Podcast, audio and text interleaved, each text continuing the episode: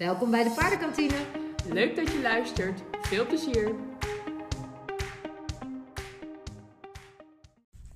Hallo, welkom bij de paardenkantine. Deze dag zijn we met Manette. En uh, nou, we gaan Manette eens een beetje interviewen. Manette is lesklant bij ons uh, bij de Mendelsmethode. Um, maar zij heeft al heel wat jaren ervaring. Dus vandaar dat ik dacht, nou, het is leuk om een keer met Manette te beginnen. Hoi Manette. Hoi. Ja. Vertel, wie ben je? Wat doe je? Nou, bij het begin beginnen. Hoe kom je aan het gekke woord paardenmeisje dat je bent geworden? Ja, nou, paardenmeisje. Ja, ik ben meer een oud paardenmeisje. Zo zie ik het dan zelf. Want ik heb pas op mijn 56ste uh, mijn paard gekocht. Terwijl ik als jong kind echt alleen maar met paarden bezig en ponies dan vooral bezig was. En altijd dacht van nou ja, ik wil zo graag een eigen paard. Maar ja, door hoe het leven is gelopen, uh, heb ik nooit de mogelijkheid gehad of genomen om echt een paard te kopen. Maar toen het corona werd, toen dacht ik, ja, nou wordt het misschien toch wel tijd om dat paard uh, te kopen. Want ja, je weet ook niet hoe de wereld gaat uh, eruit zien en hoe gezond ik zelf blijf. Dus ik dacht, ik, ik ga nu aan het paard beginnen. Dus echt in het hoogtepunt van corona, in mei 2020, heb ik Annusario gekocht. Annusario. Ja, hey, en um, want je zegt, uh, je was wel uh, een paardenmeisje. Wat deed je dan in de jongere jaren met de paarden? Uh, nou, ik, ik, ik was eigenlijk misschien ook wel een eenzaam en een verdrietig kind. En dan als ik het niet fijn vond thuis, dan smeerde ik hem, ging ik met mijn oude kleren aan naar de boerderij. En daar waren een stuk of zes Shetlandertjes en een groot mooi trekpaard. En die Shetlanders, ja, dat waren gewoon ja, mijn, mijn fantasievriendjes. En uh, daar kon je, je gezicht onder de manen begraven en uh, uithuilen. En uh, ik had het gevoel dat ik begrepen werd door de ponies. En um, op dat grote paard, daar reed een jongen op. dat was een paard dat ook echt nog had voor de, voor de eg en voor de, voor de wagen had gestaan. En uh, die werd uh, gereden door, ja, toch wel eigenlijk dan toch wel door mijn allereerste liefde. ik, was, ik was negen, denk ik, acht, negen jaar. En hij was uh, 12, 13. En ja, hij op dat hele grote bonte paard, dat was toch wel, ja. Oeh, sexy. Daar, daar is veel gebeurd. mooi, mooi, mooi. Ja. Hey, en na die Shetlanders kwamen er toen nog andere paarden? Ja, nou, voor mijn achtste verjaardag kreeg ik van mijn grootvader tien paardrijlessen op een echt paard. Oeh, cool. Dus toen ging ik naar de manege in uh, Waddinxveen uh, bij Van der Breggen. En dat was echt best een leuke manege waar ook wedstrijden werden georganiseerd. En daar heb ik B, of, of lessen gedaan en wel B uh, en, en proef L of L1, ik weet niet hoe dat allemaal precies heet, gereden dressuur. En natuurlijk wekelijks gelest. Nou, je, je leeft de hele week natuurlijk naartoe van... oh, wie ga ik vragen dat ik mag? Oh, op Connemara of op Sheila. Of, nou ja, het is een hele wereld natuurlijk. Ja, ja, ja. Ja, is mooi hè? Als je dan weer terugdenkt aan die tijd. En dat de bleef bij die tien lessen of kwam er nog wat meer? Nee, er kwamen nog wel uh, lessen achteraan. Ik denk misschien, ja, ik weet niet, een paar jaar. En toen verhuisden we van Waddinxveen naar Heemstede. Welke leeftijd was je dan? Uh, twaalf. Oh ja, dus tussen je achtste en je twaalfste wel regelmatig gereden? Ja, ja precies. Okay. En uh, toen verhuisden we naar Heemstede. En daar had je allerlei maneges met allerlei dure lessen en dure paarden en dure beetje kak situaties geloof dat daar een les 25 gulden of zo was. En in Waddinxveen was het een tientje, weet je. Dus ja, dat was nog even leuk. En uh, dus in, in Heemstede was ik eigenlijk heel erg afgeknapt op, uh, op het volk. Op uh, de dames die paardrijlessen. Dus je past je niet aan? nee, nee, nee, zeker niet. Nee, nee. nee, toen heb ik nog wel een zoektocht gedaan naar een soort verzorgpaard, pony idee. Maar eigenlijk, ja, dan kom je in de puberteit. Toen kwam ik in de puberteit en dan is het toch ook, uh, ja, je moet naar het ateneum en je moet de brugklas doen en je hebt uh, uh, vriendjes. En dan ga je toch al gauw van, van paard naar vriendje. Hè? Dat, ja. dat, hoorde ik ook wel eens van meisjes die vallen altijd eerst op de paarden en dan op de vriendjes en dan, nou ja, eventueel ook nog weer op de kinderen. En zo is het eigenlijk ook wel precies gegaan. Dus pas na de kinderen En eigenlijk ook wel interessant, na eh, mijn eerste grote overspannenheid, was ik 46 jaar. Eh, toen had ik een coach en die zei: Jij moet iets doen wat je heel leuk vindt. En toen ging ik weer diep graven in mijn paardenverleden. Eh, of in mijn verleden. En toen dacht ik: hé, ik wil iets met paarden doen. Maar om er nou op te gaan zitten, ik weet niet of ik dat nog durf en zo. Toen ben ik koetsier gaan worden. Oh ja, ja. En dat was ook super gaaf. Met Nico Avenzaat eh, heb ik eh, dat geleerd. En ja, dat Maurik. mennen. Ja, in, Ja. in Maurik. Ja. Ja. Dus dat mennen vond ik echt super leuk. En zo langzamerhand kwam ik vanaf mijn 46 weer een beetje in de paarden. En toen ben ik een verzorg, heb ik een verzorgpaard Ringo gehad bij eh, de manege in Culemborg. ja. Of de pensionszaal in Culemborg. En eh, ja, het blijft altijd kriebelen. Hè? Dat is het onderwerp. Het blijft altijd trekken. Want eh, wat eh, is Manette zonder paard? Wa- Wat voor type, wat voor wat werk? eh, hoe kunnen we je dan omschrijven? Ja, nou ja, ik ben kunstenaar geworden. En, Een latere leeftijd of jonger? nee, nee, nee, ik ben naar de, dat heette toen nog de Academie voor Industriële Vormgeving gegaan in Eindhoven. Dat heet tegenwoordig de Design Academy. Oh, cool.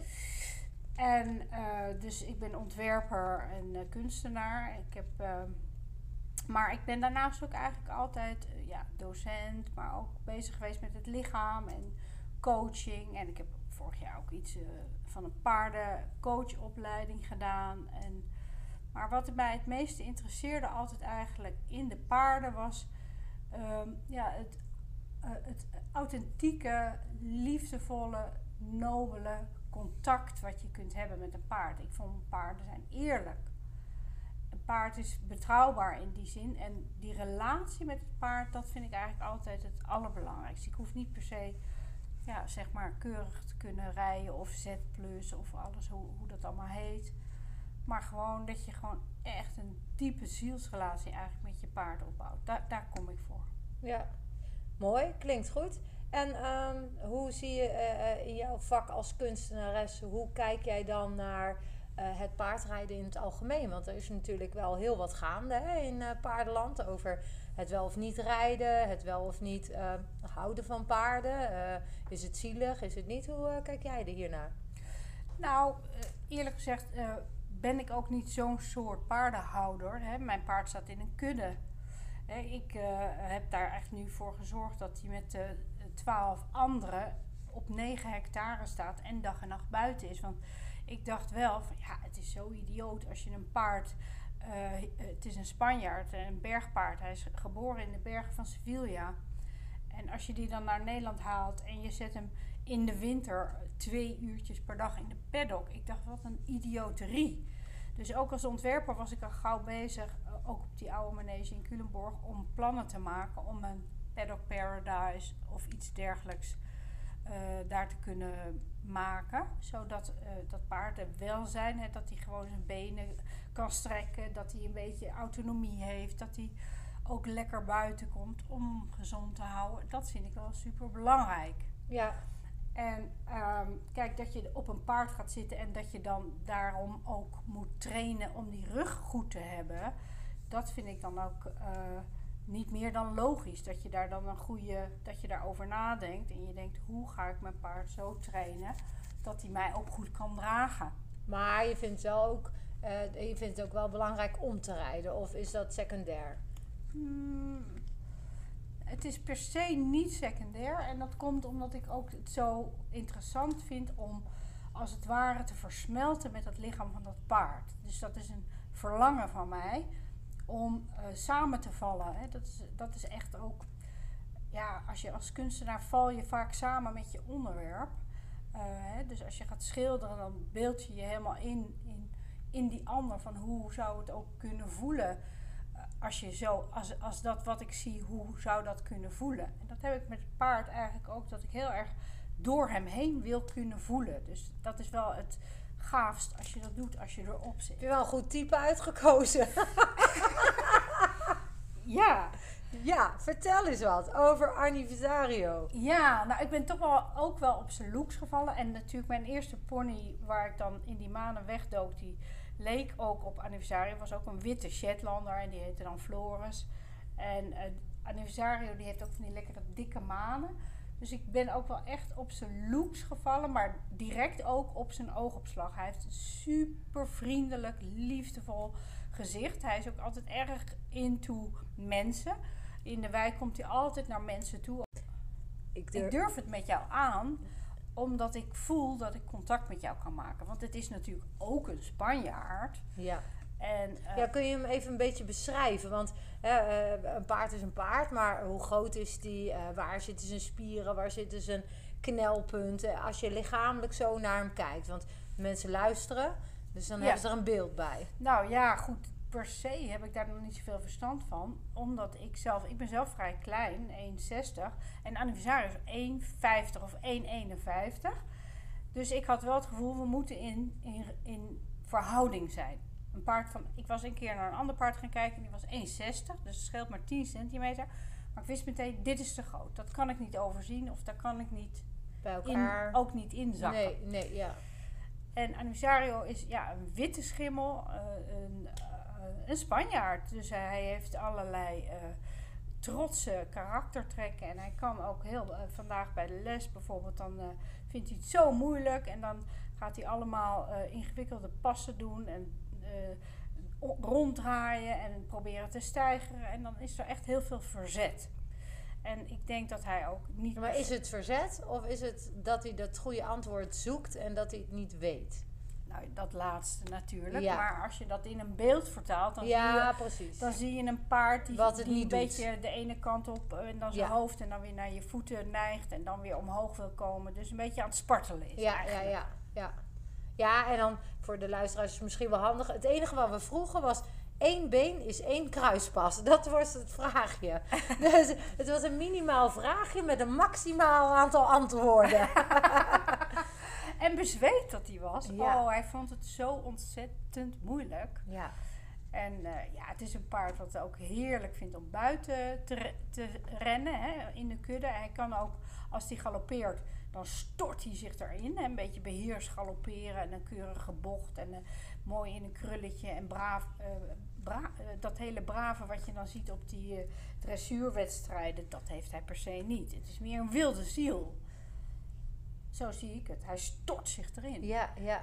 En ja, dat want je observeert hem ook in de kudde dus. Absoluut. Oké, vertel daar eens Nou wat ja, over. in de- Leuk. In de, kudde staan allemaal hele grotere, veel grotere paarden. Echt 1,60 of 1,70. Maar en dan gaan ze op een gegeven moment rennen. En dan begint hij als laatste te rennen. Maar hij haalt ze altijd in. hij eindigt altijd vooraan. Omdat hij dat ook zo leuk vindt. Tren, tren, tren. Weet je, echt zo hier in die uiterwaard. Ja, En eh, ehm, ja, eh, wat ik ook leuk vind in de kudde, eh, hij is echt een paard. In de zin van, hij weet het op te lossen zonder bijvoorbeeld conflicten aan te gaan. In de winter is het wat moeilijker met eten, dan is er natuurlijk geen gras. Dus dan is er een soort hooi, voederplek. En hij gaat eigenlijk zo lang als het kan in de struikjes staan en dan scheef op een, op een helling gaat hij daar gewoon eh meidoorn staan eten met alle distels en alles erbij op en aan. Want dat vindt hij gewoon eh, prettiger dan dat hij zich in de strijd moet storten met die grote paarden om aan eten te komen. om aan eten te komen. Oké, dus hij, oh, ik had juist wel gedacht dat hij het aan zou gaan, het conflict. Grappig. Nee, hij is per se eh, niet van een conflict. Hij heeft altijd het laagst, één na laagst, twee na laagst in de, in de kudde gestaan. En nu zijn er wel veel ver- eh, verschuivingen en ik denk dat hij nu ongeveer in het midden zit. En eh, hij voelt zich nu daar ook eh, veiliger. Hij, hij, hij vindt het spannend, andere paarden. Hij is meer echt op mensen. Die kunnen En, hem en waar zie je dat dan aan, dat hij het spannend vindt? De- hij gaat er niet aan. Hij gaat zich er niet mee bemoeien. Ik noem maar wat. We hebben merries die dan worden hengstig. Ja. En dan gaan andere ruinen, die gaan daar of opspringen... of die willen dan ineens die vrouw hebben... en die gaan dan eh, heel erg verdedigend doen naar andere paarden. Maar Anniversario die gaat nooit... mengt zich niet in vrouwenbusiness. Oké. Hij is echt voor andere ruinen met wie hij een beetje kan stoeien. Gewoon een beetje hengstgedrag noemen ze dat dan. Een beetje tegen elkaar opspringen en een beetje happen in, in de hals en in de staart. Dat doet hij heel graag. Spelen vindt hij leuk. Maar hij gaat niet om een vrouw vechten. Want als je dan in de kudde zit en je zit te kijken, eh, noem, maar eens een, noem eens een gemiddeld tijdsbestek dat je dit dan aanschouwt.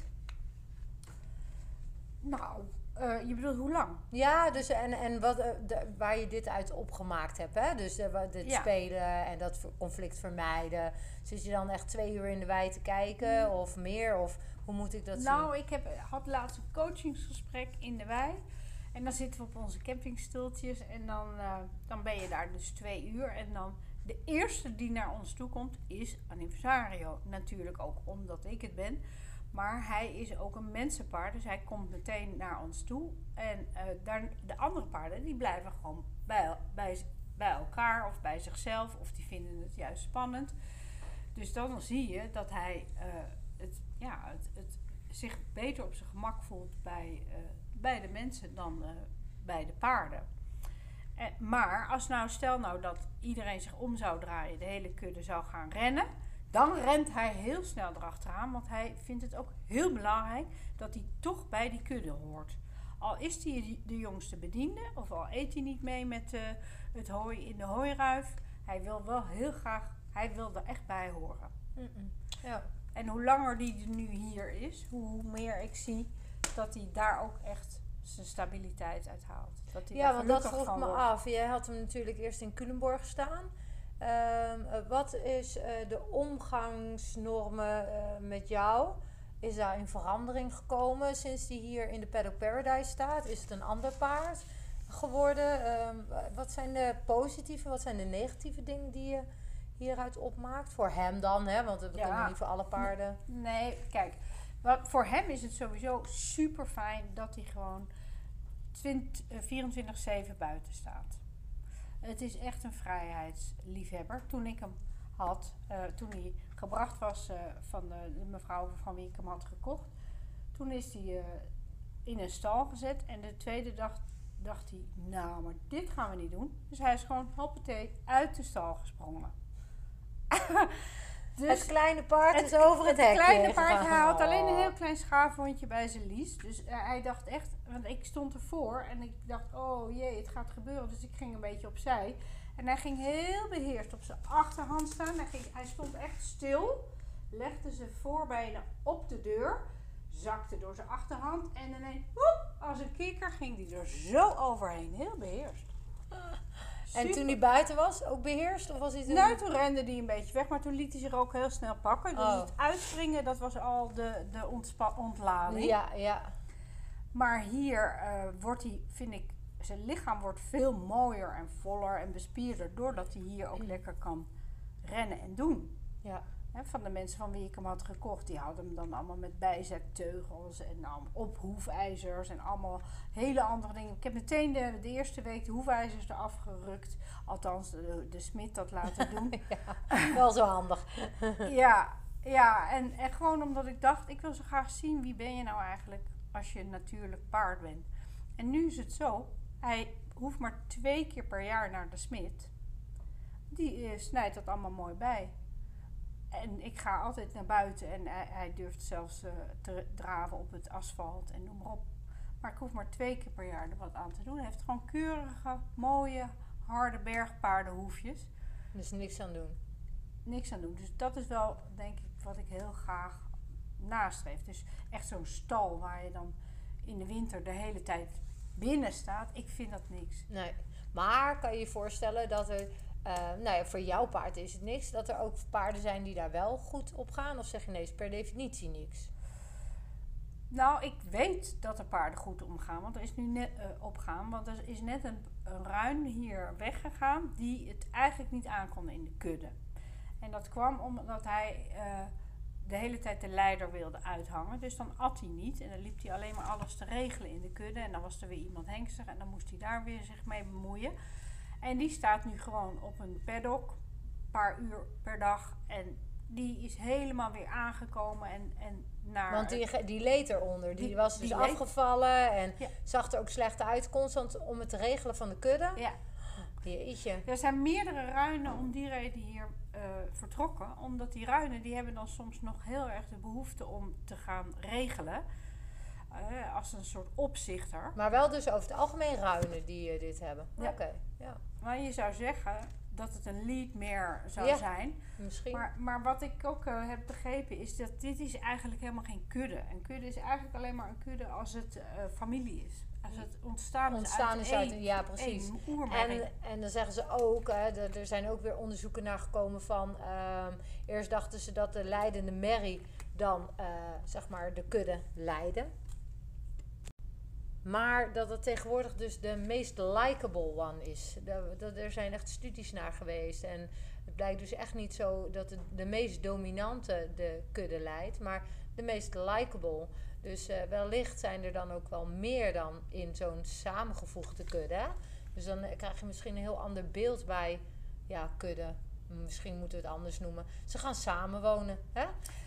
Wat bedoel je met likeable de meest geliefde? Ja, die met iedereen eigenlijk een beetje op kan schieten. Allemans. Een andermans vriendje. Die, en die dan toch wel een richtlijn aangeeft.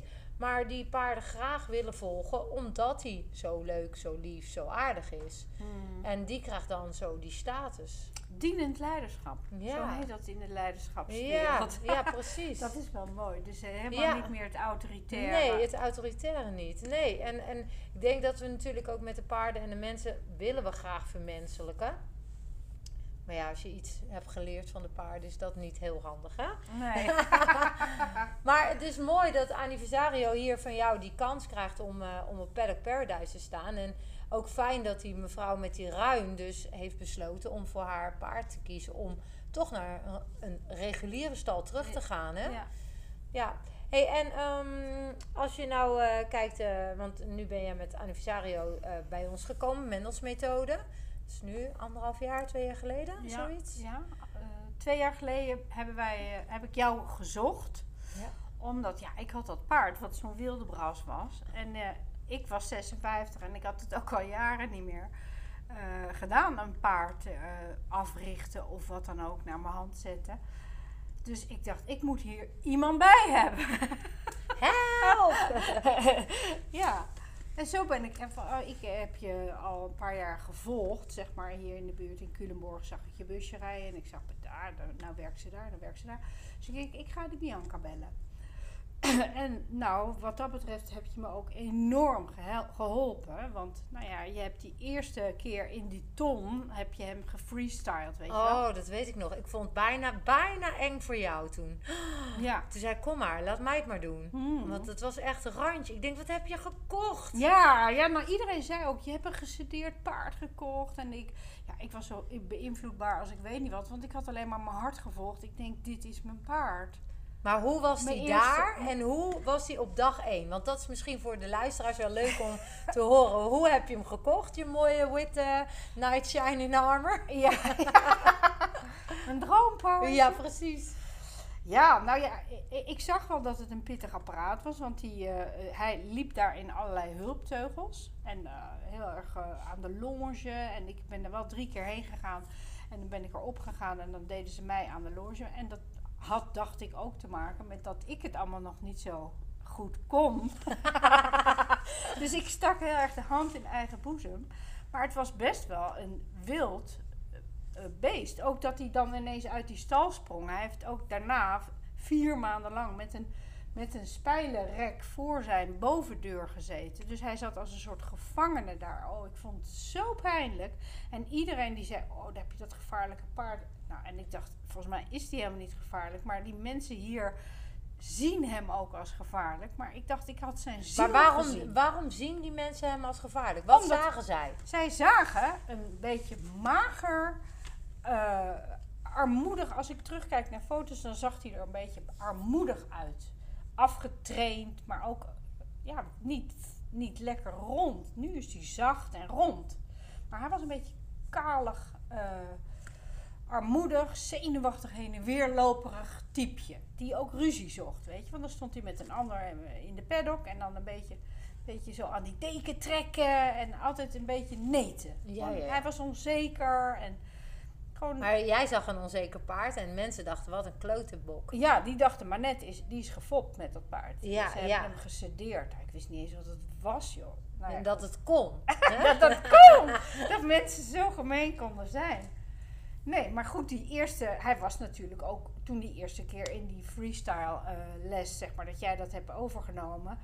Toen was hij ook de- heel brutaal tegen jou. Ja, hij viel me aan. Ja. Hij, en niet één keer. Nee, hij bleef maar eh, langs je proberen te glippen. Ja, ja. En jij nee en nee. En eh, nou ja, ik denk dat dat soort dingen zijn belangrijk geweest. Dat hij dacht, hé, hey, met die vrouwen, daar valt niet mee te foppen. Ja, ja.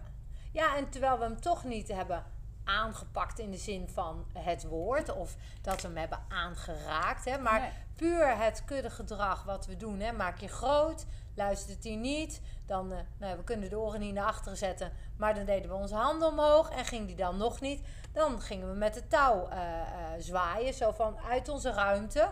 En dan mag je het even zelf uitmaken. Dat was eigenlijk de eerste opdracht. Hè, van blijf uit mijn ruimte. Ja. En dan kijken of we hem in een rondje om ons heen konden laten stappen. En, en dat was dan een soort ouderwetse, ja, wat was het, meston of Volgens zo? mij was het een meston. Ja, een Ja. oude meston. Dus dat was op zich wel ideaal, want hij kon er niet uitspringen. De muren waren hoog en het was één kant open. Daar stond jij dan. hè. En eerst was het andersom, hè, deed jij dat. En gaf ik jou instructies vanaf de kant. Maar ik vond het zo gevaarlijk Ja. dat ik zei van we gaan omruilen. Ja. Eerst maar eerst hem even wat dingen uitleggen. Ja, ja. Want hij was ook zo eh, rap. Ja? Want ik bedoel, die, die, normaal heb je de tijd een paar seconden om iets te leren of iets uit te leggen.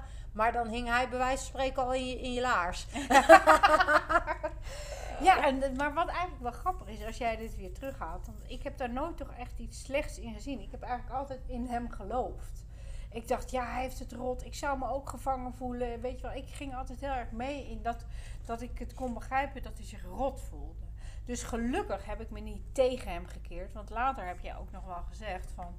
Nou, dat paard mag wel blij zijn met jou. Want eh, de andere ruiters die zouden hem meteen teruggebracht hebben. Weet Ja. je? Nee, en eh, daar sta ik ook echt wel achter. Want eh, ja, we- weet je, eh, met welk doel koop je een paard? Hè? En, en verliefd of niet verliefd? Ehm, ik, ik, wat ik merk, zeg maar, van 9 van de 10 mensen worden gelukkig van hun paard. Ze steken er een hoop geld, tijd en energie in. En eh, daarvoor wil je een soort met ja, iets normaals, zeg maar. Kijk, je kinderen Ja. kun je niet kiezen, die krijg je. Dus Ja. als die dan een of ander raar gedrag vertonen, dan ga je erin verdiepen om te kijken hoe je die kinderen kunt helpen. Maar op het moment dat je een dier gaat kopen, Ja. dan koop je liever iets standaards, zeg maar, om dat ja, eigenlijk uit de weg te gaan. En ja, dat vond ik dan wel weer heel mooi van jou, dat jij ook op dat moment zegt van, eh, ja, ik heb hem gekozen, ik ben er verliefd op en ik ga dit doen. En ik denk ook dat het daarom ook gelukt is. Want ik denk dat heel veel ruiters hadden ja, met de pakken eh, de neer hadden gelegd en gezegd van joh, eh, dit werkt niet. Want ja, heel eerlijk, je moest eigenlijk die eerste paar weken altijd creatief. Had je het linkergele pad, moest je afslag half rood rechts. Had je het rode pad gevonden, moest je linksblauw weer terug. Noem maar wat, hè? Maar Ja. zo, je moest zo zoeken met hem. Terwijl je ook wel weer volhardend moest zijn van, maar dit, dit gaan we We even gaan doen. het wel doen. Ja, Ja. Ja, na de eerste twee maanden heb ik er ook niet op gereden. Heb ik hem alleen de wei in, de wei uit. Dus ik ging twee keer per dag er naartoe om hem uit de stal naar de wei te brengen. En dan s- smiddags weer terug. Zodat we gewoon echt aan elkaar konden wennen. En dat hij ook wist van, hé, hey, dit is mijn baasje. ja. En toen we erop gingen, toen eigenlijk, nou ja, ja, ik vond eigenlijk dat het best makkelijk ging. Dat, dat, die, dat we best wel gauw aan elkaar geklit waren. Ja, en manier. dat is wel heel grappig hoe jij dat nu zegt. Want ik ga dan terugdenken en dan denk ik echt, ja. ehm, Wat nou, zag jij? Wat ik zag, ja precies. Ik zag een heel gefrustreerd klein paardje, dominant, eh, met een zadel op, met een eh, mevrouw wat eigenlijk heel toegankelijk was, waarin dat paard de hele tijd zei, 1 plus 1, 88, 760, wat wil je? Ha, Dat. Ja. En, eh, en, en jij zo, ja, maar ik begrijp je. Ik ben heel rustig. En dan ging die weer van achter naar voren en dan zijn kop omhoog. En dan ging die weer naar links, naar rechts. Dan moest de bak weer dicht. En dan dacht ik, oh mijn god. Oh ja, de bak moest dicht. Oh, omdat hij juist. En dan moest ik jou, ja, echt eh, het oude paard rijden, zeg maar. Van eh, hè, werken, moest ik jou. Soort met afleren. Afleren, want ja. hij was al heet. Dus waar wil je naartoe met nog meer been? dus dus hoe- het is wel heel grappig hoe jij dat ervoor en hoe ik dat dus nu terug bedenk. Want ik zag dat dus echt wel heel anders. En als ik jullie dan nu zo mooi in harmonie zie, dan is dat wel echt eh, een cadeautje voor hem eigenlijk. Ja. Dat hij eh, jou heeft gevonden. Dat ben ik wel echt nog steeds. Denk ik dat elke keer als ik jullie samen Ja. zie. Het was niet goed met hem afgelopen. Nee, Waarschijnlijk. nee, nee. Want Nou ja, ik heb, heb, een keer een reading gedaan bij mijn vrouw over eh, anniversario en uh, helder zien. En die zei... Yes. En die zei dat anniversario mogelijk een politiepaard in opleiding is geweest. En dat hij uiteindelijk eh, afgekeurd is. En daar is hij volgens mij ook echt zo gefrustreerd door geworden. Want hij wil het echt heel graag begrijpen eigenlijk. Hij begrijpt het niet. Misschien ben ik ook niet helemaal 100% duidelijk. Laten we daar duidelijk over zijn. Maar eh, eh, zoals net vanmiddag, dan gaat hij ook echt stampvoeten en alle en Spaanse passen en allemaal dubbele knopen in zijn voorbenen. Hij begrijpt soms helemaal niet meer wat, hij, wat we van hem vragen. En dan is hij heel erg gefrustreerd. Terwijl je eigenlijk maar één vraag stelt. Ja. Duw, ga opzij en weer ontspannen. Ja, complex. Maar ja, Maar daar zit wel in dat hij echt graag wil. Hij probeert van alles ja hij hè? probeert van alles. En daarom hebben we ook toen de keuze gemaakt van we gaan ernaast. We gaan even eraf stappen en we gaan uitleggen. Als je dit voelt, zeggen wij om, stemhulp, zweep, tenminste met de achterkant van de zweep, Even- duwen even hem. duwen. En, eh, en op die, duwen? ja, kort duwen. En als hij deed, dan eh, was het goed. Hè? En eigenlijk had hij dat wel heel snel door. Ja. Dus die paniek was eigenlijk wanneer je erop zit. Ja. dat hij dan een soort error krijgt. Maar ja, dat zou weer verband kunnen hebben met het verhaal van het rijden. Dat ze daar onlogische vragen hebben gesteld en op de grond niet. Waardoor die ja, daar meer luistert op de grond. En, en, en ja, met rijden denkt dat het iets heel moeilijks is of zo. Ja, maar hij draait zich er ook in vast. Hè. Ja. Dus daarom gaan we ook steeds, als hij zo'n vastloper zeg maar, heeft, eventjes gewoon draven, eventjes een rondje in nul. En dan weer opnieuw beginnen. Ja, ja. Ja, en eh, nou, maar jouw vraag was van, ehm, ja, hoe is het nu? Ja, hoe is het nu Ja. met eh anniversario? Want we zijn nu twee jaar verder. Eh, je hebt zelf wat ontwikkelingen ook meegemaakt. Hè? En hem daarin bij, bij betrokken. Dus dat is heel mooi. Ja, nou ja, ik denk, ik denk dat we veel beter contact hebben. Veel, want toen ik net zei van, ik had wel het gevoel dat ik, dat ik contact met hem had, hè, zittend op hem in het begin. Maar ik voel nu dat het nog veel dieper kan en veel preciezer. Want weet je nog ook eh, dat hij die teugels totaal dat bit niet wilde aannemen. Dat hij altijd dat hoofd omhoog gooide om er onderuit te lopen. Ja, Hij wilde gewoon niet dat ik in zijn mond zat. Terwijl ik totaal niet in zijn mond zitterig ben. Want Nee. ik liet altijd losse teugels, toch? ja en we de- deden touw om de nek. Bit touw. eh, tie safe. Ja. Precies. En bitloos heb ik ook heel Bitloos. snel gedaan. Ja. Dus dat is Maar het daar deed hij het ook mee, hè? Met bitloos. Ehm, Met de druk. ja, het- Met contact. Ja. Eh, hij wilde het contact gewoon niet toen. dat is En het. nu wel. Precies. En ik, kijk, in de, in coacherij zou je dit noemen avoid domination. Hij wil gewoon niet gedomineerd meer worden. Dat is frustrant. Dus eh, eh, ik heb gedacht, je moet dit met een zachte hand erin inweven of inbrengen. En niet met, nou ja, niet streng of niet met een bit of wat dan ook. Maar uiteindelijk heeft hij nu wel het bit aangenomen en kan ik eigenlijk best stevig die teugels vasthouden. Hè? Als ik dan zeg dat kader moet geven om voor die eh, kruispas, dat je dan die teugels goed parallel en eh, dat hij met Ja, zijn twee neus in de gelijke druk. gelijke druk en dat hij met zijn neus in de struiken blijft staan, dan, eh, dan pikt hij dat toch wel. Ja, maar ik denk ook, ah, daar gaat natuurlijk wel weer wat van vooraf, wat jij zegt. Hè? Want wat wij altijd doen, is dat nulrondje. Dus wij blijven altijd, denk ik, teruggaan naar dat respect. Waardoor hij wel weet, oké, dit vind ik moeilijk. Hè? Dus nu word ik gekaderd in mijn eh hoofd-halshouding. Maar na dat onderwerp, dus na die vraag, komt wel weer gelijke ontspanning. Dus, maar ja, dat goede antwoord vinden, dat is voor hem de, de, de error erop. Ja. Hè, dat vindt hij heel moeilijk. Want dat was eerst met het nulrondje al. Hmm. Toen we hem gingen leren van... joh, je hoeft alleen maar te stappen. We doen niks. Jij doet niks. Als je maar stapt. Ja. Dat was al een... error. een toestand. Ja. Dat snapt hij. Ja, en ik zie waar ik zelf ook wel in veranderd ben, is eh, dat ik hem echt moet helpen. Ik dacht altijd, ja, jij bent toch een paard, jij weet toch hoe het moet. Maar nu zie ik wel, bijvoorbeeld gisteren met dat bruggetje, dan gingen we buiten rijden en dan was er een bruggetje en eh, daar moesten we voor het eerst overheen. En hij dacht, nou, dat ga ik niet doen, omdraaien en weet ik het allemaal. Maar uiteindelijk had ik hem zo gepositioneerd voor die brug. De teug was heel erg los, dat hij goed kon met zijn neus aan de grond. En dan echt met mijn benen opsluiten en zeggen: En nu gaan we, want jij kan dit. En daarvan had ik niet gedacht, eerlijk gezegd, dat ik zoveel uh, leiderschap eigenlijk zelf aan de dag moest leggen. Ja, misschien is dat hij wel wat hij jou moest leren. Hè? Dat hij jou toch wel soorten met heeft uitgekozen. ja, grappig is dat. Ja, ja want um, je hebt een tijdje houding- en zitles ook uh, genomen. Hè? En uh, uh, heel even de managementmethode on hold gezet. Even aan jezelf gewerkt. Um, wat kwam je daarin tegen? In zijn gedrag daarna, daarvoor, tijdens?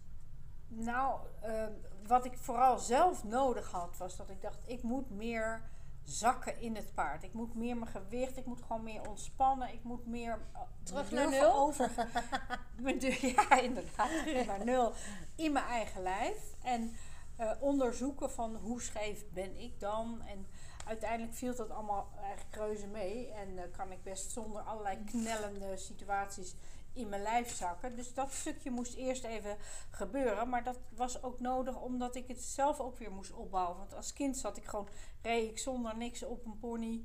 Geen eens uh, een, uh, een uh, hoofdstelletje of een halstertje. Man, dat hadden we allemaal niet. Dus we hadden gewoon een, een ik trok een twijf, twijgje van een wildboom en hopla, daar gingen we. Ja.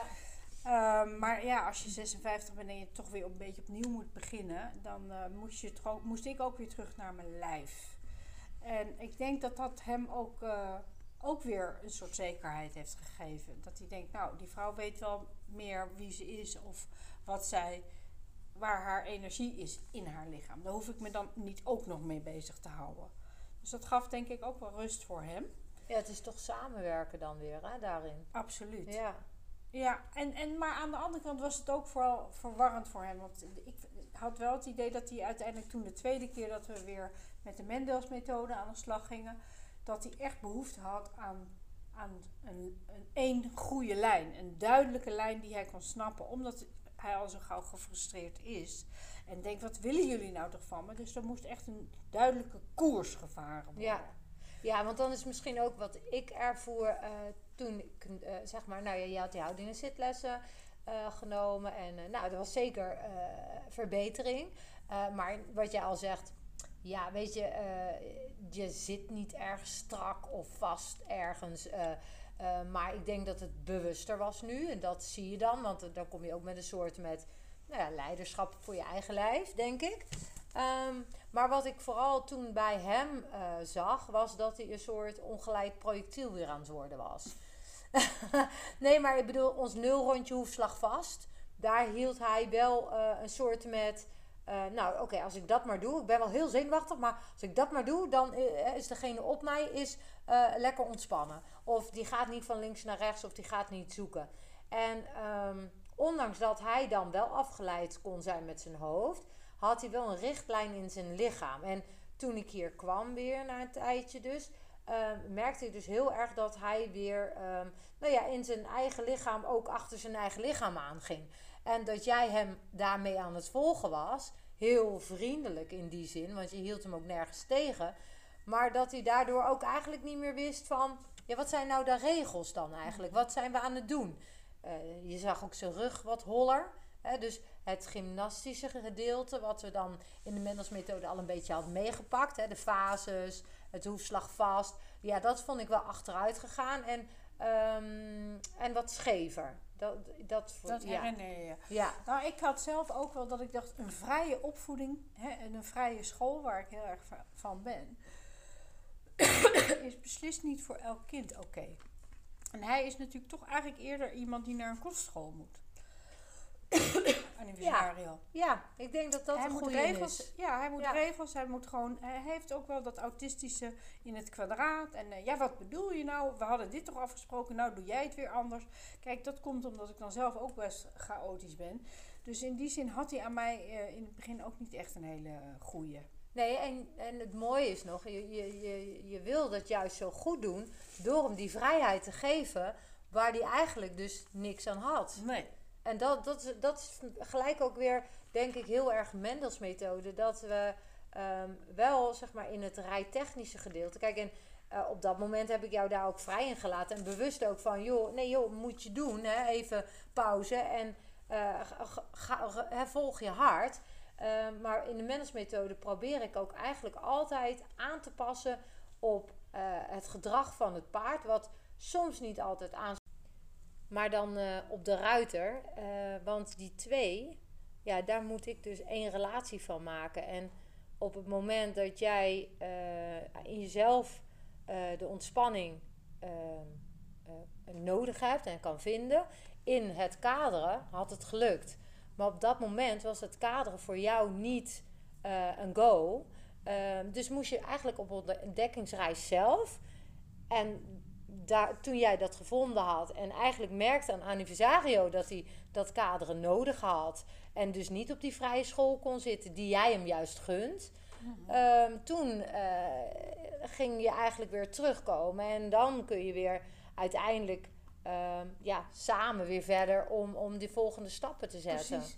En zo kan ik dan ook weer buigen naar zo'n elastiek. Weet je, dat elastiek of hulpteugels, daar ben ik helemaal niet van. Oh nee, ik ook niet. Nee, nee maar goed, dus nu Nee. heb ik wel gezien, ook op oude filmpjes, dat dat elastiek hem iets van steun en richting geeft. Van, oh ja, zoiets, die kant moet het op. Want hij heeft wel echt veel begeleiding eigenlijk nodig. Ja, en dat is misschien ook wel een beetje te wijten aan eh, zijn lichaam of hoe die gevormd is of getraind is. Hè? Want ja, even heel overdreven. Hij heeft dan wat een badkuiprug, hè? Of zoals we dat zeggen. En hij laat zijn buik een beetje hangen. Ehm, dus op het moment dat je als ruiter eigenlijk zelf nog in je ontspanning moet rijden om te kijken welke ledematen kan ik aanspannen om iets te vragen, zonder er twee tegelijk aan te spannen, want dan is meneer overstuur. moet je dus echt wel van hele goede huizen komen. Dus je moet eigenlijk, ik zeg dan als instructeur, ehm, zorg ervoor dat de ruiter zich kan ontwikkelen zonder het paard te storen. Maar als wij, het paard, als wij op dat paard gaan zitten en ik moet jou opdrachten geven om jezelf te ontwikkelen, maar dat paard zet zich dan in een verkeerde houding, dan ehm, beschadig je het paard. En daarom zei ik van ja, tegen jou, ik ben er niet voor, maar als je hem losjes een elastiek opzet, heeft hij een idee waar dat hij naartoe moet met zijn lijf, kan hij die badkuiprug zelfstandig trainen.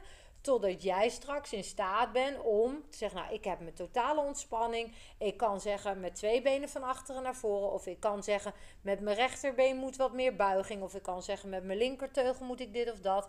Hè, en, en daarbij wordt jouw houding niet verstoord. Want ja, als wij voorover of achterover gaan zitten, Ja. hè, dan verstoren wij ook weer de balans weer, van ja. hem. En dat is het moeilijke van groen met groen, zeggen we dan. Hè? Dus een, een, een ruiter die ehm, ja, eh, weer overnieuw moet leren paardrijden. Hè? Vanuit de ontspanning naar de aanspanning. Het gebruik van je ledematen. Maar ook het groene paard met een rugzakje. ehm, die een verleden heeft. eh, met eigenlijk alle frustraties indien. Is gewoon echt zo niet de ideale combinatie. Nee, nee, want dat wou ik vragen. Want hoe zie jij die combinatie nou? Vind je dat eh, als professional, hè, denk je nou, nou, dat is nou niet een handig paard om te, gekoop, gekocht te hebben? Nee, ja, nou weet je, dat is, daar zit ik zelf eigenlijk nu nog heel erg mee in tweestrijd. Want op de een of andere manier is dat ook een mooie reis. Ja. Dus ja, eh, eh, ik, het ligt er denk ik helemaal aan wat jij als ruiter wil. Ik kan me in alles verplaatsen eigenlijk. Dat, dat heb ik wel gemerkt. Als jij deze reis aan wil gaan, sta ik 200% achter je. En dan gaan we er alles aan doen dat deze reis slaagt. Ja. En, maar ik zal wel zeggen, als jij zegt van eh, Bianca, over twee jaar wil ik de Grand Prix starten. dan zeg ik, eh, nou van Max Verstappen geloof ik. maar eh, bij Ankie niet aan te sluiten. Nee, Nee. maar zonder gekheid. Hè? Dus ik probeer dan wel realistisch door te geven van ehm, wat ik denk dat binnen de mogelijkheden is. En ja, weet je, jij staat echt met twee benen op de grond. En ik denk dat jij heel sterk weet wat in je mogelijkheden, eh, binnen jullie mogelijkheden liggen. En ik denk ook ehm, dat jij blij kan zijn met een heel klein verschil. En dat is in zijn voordeel, waardoor je denkt dat er gewoon nog heel veel groeipotentie in zit. Ja, en ik heb, eh, kijk, wat voor mij het hoogste doel is, is dat we gewoon echt een soort één lichaam kunnen zijn. En dat die, wat ik ook eerder zei, van dat die van de anderhalf uur dat we aan het rijden zijn, dat hij gewoon 20 minuten echt even samen met mij goed die oefening doet. En dat hoeft helemaal geen moeilijk en hoge oefening te doen, maar dat hij echt bij me is. Dat hij denkt: Oh, wat leuk, ik heb er lol in. We gaan dat nou eens even proberen. Ja. Ja, en dan, kijk, en als jij dus met mij, bij mij was gekomen voordat je hem had gekocht, met deze vraag, had ik hem niet gekocht. Nee, nee. nee. Nee, nee, want kijk, ehm, eh, het, het mooiste is dan om eh, bijvoorbeeld, ehm, ja, kijk, er zijn bijvoorbeeld zat manegepaarden ehm, die onbegrepen worden, maar niet zo'n heftig rugzakje, dus vergevingsgezind zijn. En als je als ruiter, zeker na een lange periode eruit, is een vergevingsgezind paard heel erg fijn. Ehm, want eh, het overdreven eh, rea- reacties geven, eh, ja, dat is leuk als je zelf snel bent, hooggeschoold bent, of hè, dan is er een, uitdaging. Maar op het moment dat je die gevoelens onder je krijgt en die emoties, en zeker jij als emotiemens, die heel snel signalen oppikt, ehm, ja, wat hij daar net allemaal deed, dat komt voor mij al aan vanaf de grond. Dus ik kan me voorstellen dat jij als gevoelsmens dan ook echt het hele scenario door je lijf Ja. heen voelt. Ja. En dan is het wel heel moeilijk om dan weer bij je nul te komen. Maar ja, dat is wel het leuke van de reis. Ja, dat is de- en de reis, daar gaat het mij om. Ja. En ik kan gewoon fantastisch met hem de wijde wereld in. Dat was ook het idee. Ik wil een paard hebben waar ik mee de wijde wereld in kan. En eh, nou, uiteindelijk kunnen we hier gewoon de dam afstappen en het bos inlopen. En eh, nou, op eh, 8 juni gaan we met de trailer een keer naar Zeist. Met een ander paard erbij. Dus nou ja, eigenlijk is, eh, is het al perfect. Ja. Ja, en wie had dat kunnen denken twee jaar geleden? hè? Dus ja. ik zal hem niet voor je uit hebben gekozen. Maar ik, ik, ik vind het wel enorm mooi om te zien dat je van deze reis geniet. En daar geniet ik dus ook mede van. Ja, ja. Ja. Nou, mag ik je bedanken voor het interview. Ja, En eh, hopelijk kunnen we nog heel lang eh, in deze driehoeksverhouding genieten met z'n drieën. absoluut. En eh, nou ja, tot de volgende. Oké, nou hartstikke bedankt. Doei doei! Doeg! Leuk dat je geluisterd hebt. Het was weer gezellig. Vind je deze podcast nou leuk? Geef ons dan even een waardering op Spotify. Heb je nou nog ideeën? Laat het ons weten. Tot volgende week! Doei!